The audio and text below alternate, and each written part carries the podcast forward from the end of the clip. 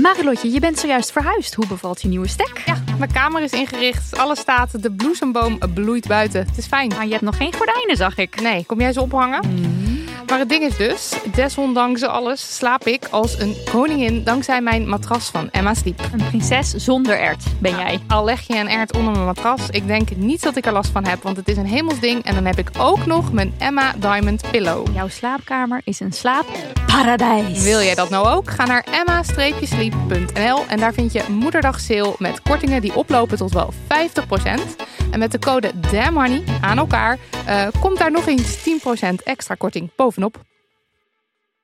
Schaamteloos Randstedelijk is de podcast voor jonge mensen in de stad op zoek naar houvast. Iedere aflevering houden wij, Doortje Smithuizen en Perre van den Brink, de jonge steling spiegelvol. Hoe erg is de wooncrisis voor millennials? En kan je eigenlijk nog wel vlees eten? En is natuurwijn helemaal super of is het totaal overbodige luxe? Wij zijn jouw gids binnen de Randstedelijke bubbel. Luister nu naar onze podcast Schaamteloos Randstedelijk. Overal waar jij je podcast luistert. Hallo dag. Weet jij al wat je aantrekt als je straks met dat rode potlood in het stemhokje staat? Welkom bij Stem Honey.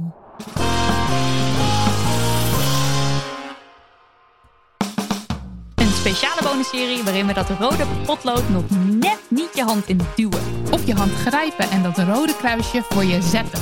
Wat we wel doen is zes lijsttrekkers het hemd van het lijf vragen over feminisme. Jazeker, in een kwartier rachen we even dat hele feminisme er doorheen. Zo gepiept. Mijn naam is Nidia. En ik ben Marilotte. En eerder spraken we met Bloemen, Ouwehand en Kaag. En vandaag hebben we voor de verandering een keer een man te gast. Het is Laurens Dassen van Volt. Laurens Dassen, Kom er maar in.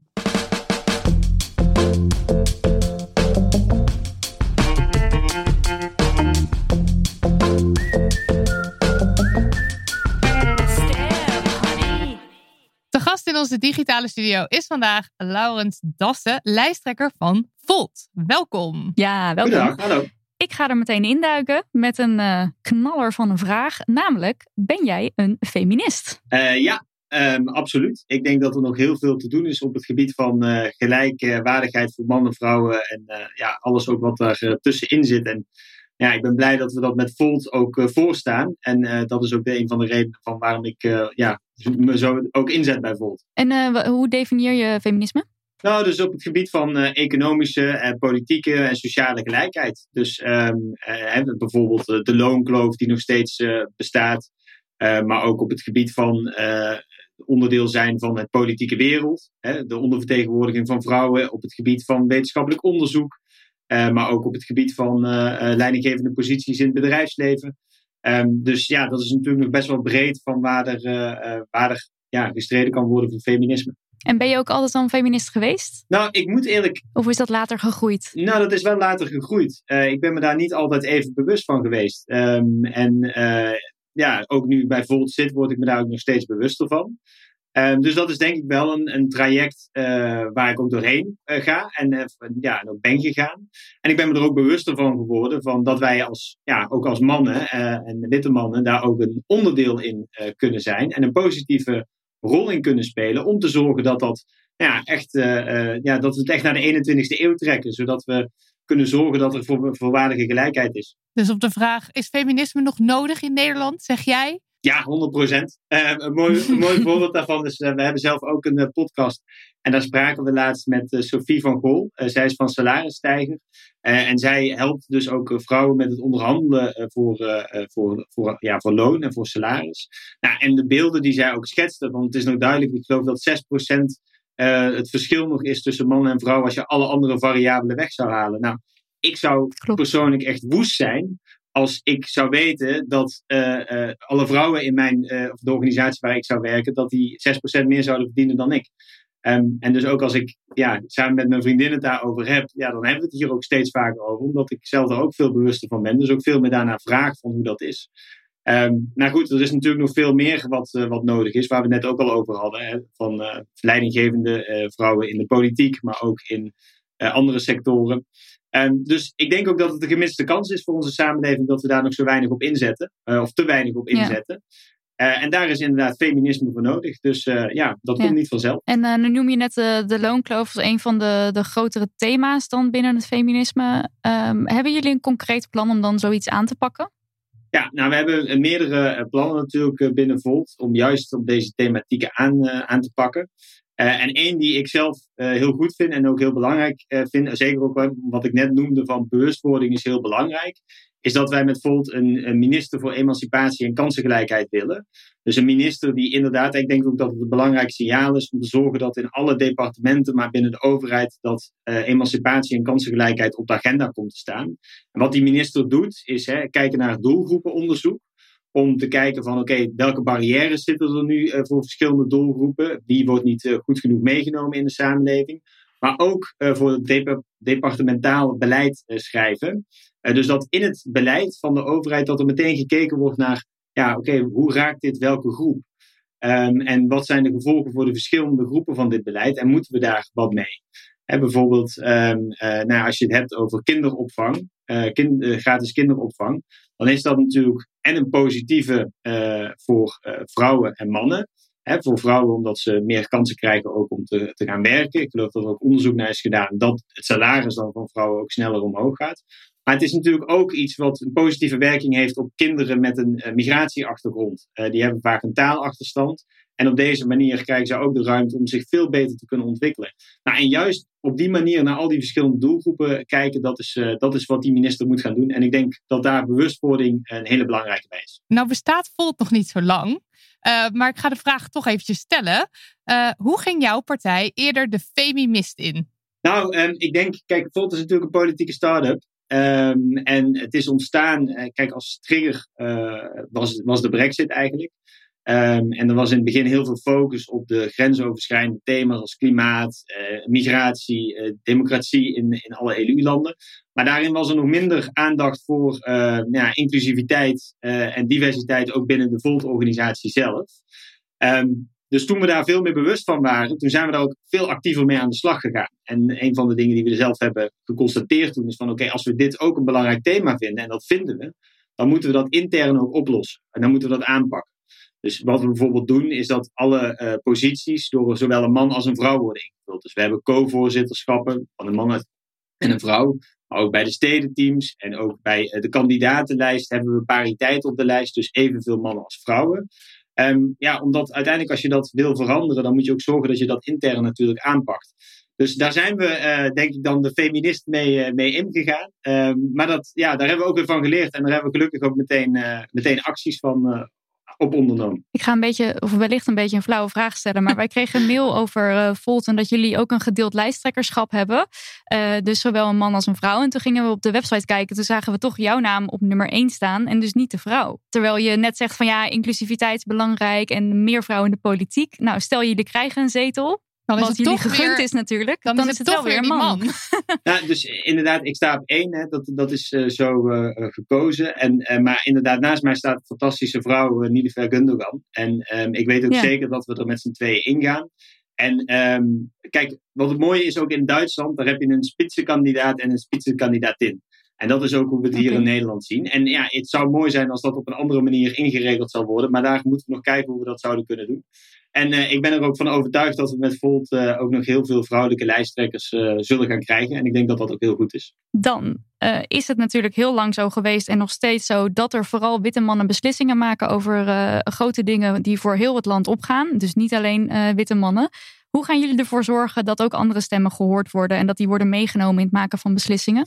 Ja, ik denk hè, dat dat een beetje aansluit bij wat ik net ook zei. Van uiteindelijk is dat hoe je als organisatie ook start. Um, en hè, die pariteit op de lijst. Zorgen dat uh, mensen daar uh, onderdeel van zijn.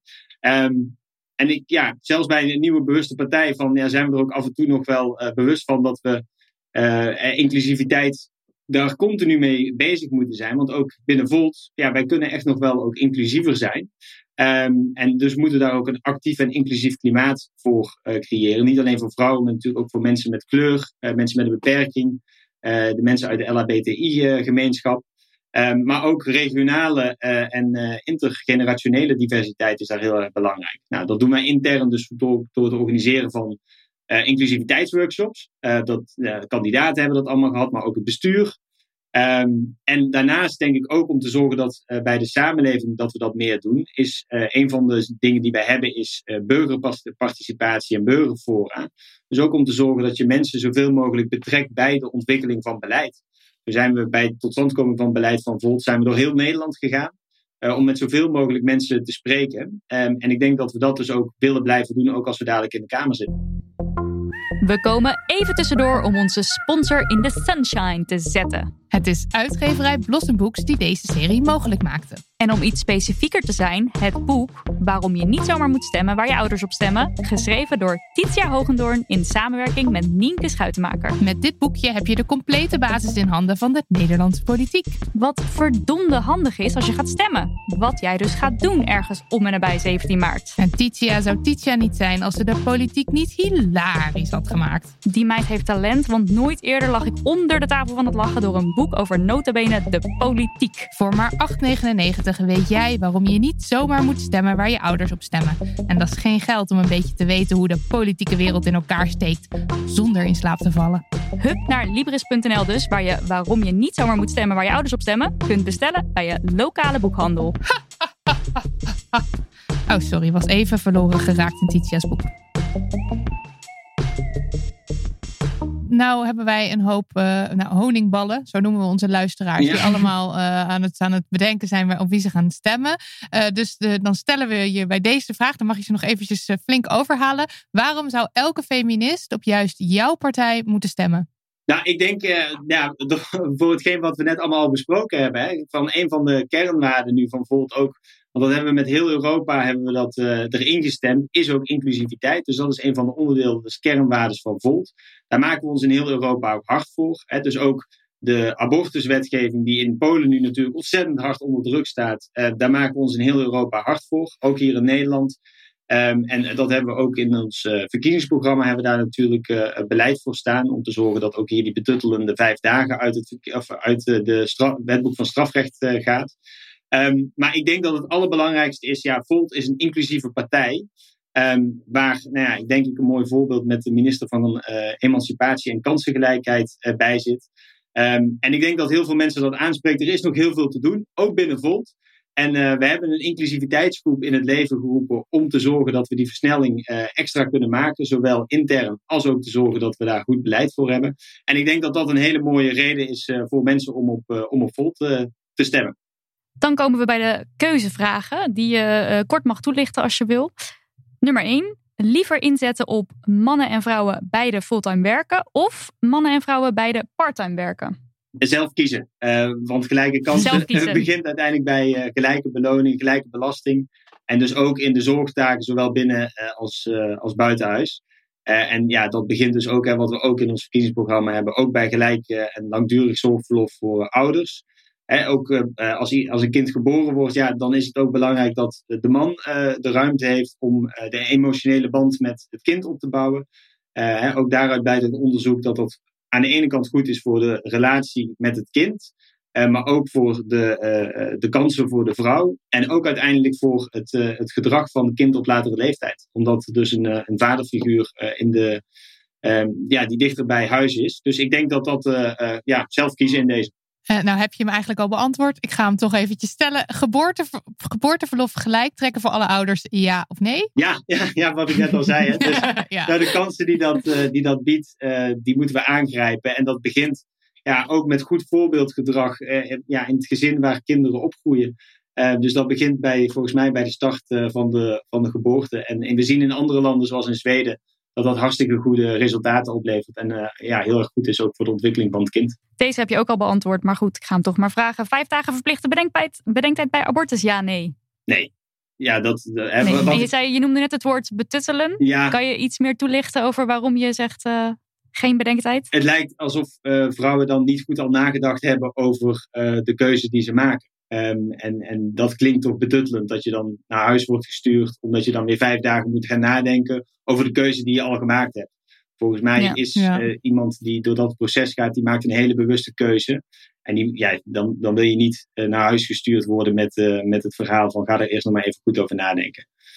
En ik geloof trouwens ook hè, van dat, ja, dat, dat voor heel veel vrouwen ook iets is wat, ja, waarvan ik ook denk van, kom, dat, dat is echt ouderwets. Laten we dat zo snel mogelijk afschaffen. Boerkaverbod de deur uit, ja of nee? Ja.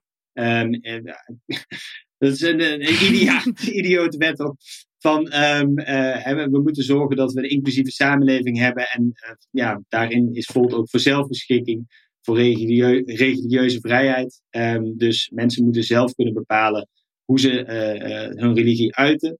Um, dus een boerkaverbod uh, moet zo snel mogelijk de deur uit. Dan, Nederland heeft een racismeprobleem, ja of nee? Ja, ik ben bang van wel. Um, ik denk inderdaad dat er, uh, ja, dat er nog steeds alledaags racisme is. En uh, ik denk het niet, ik weet wel zeker. En ook institutioneel racisme. Je hebt natuurlijk bij de toeslagenaffaire hebben we dat gezien, etnische profilering. Um, een mooi voorbeeld daar misschien ook bij is, we spraken ook in onze podcast met Linda Nooitmeer. Zij is van het Nationaal Instituut Nederlandse Slavernij, Beneden en Erfenis. En wat zij zei, dat bleef mij heel erg bij, is van je moet ook samen het leven begrijpen en erkennen om ook de toekomst weer uh, goed vorm te kunnen geven. En ik denk dat dat heel erg belangrijk is en dat daar nog te weinig aandacht voor is liever regelgeving inzetten om gelijkwaardigheid voor elkaar te krijgen, of liever de verantwoordelijkheid bij de maatschappij zelf leggen? Ik denk dus dat het nog noodzakelijk is om regelgeving in te zetten om die gelijkwaardigheid voor elkaar uh, te krijgen.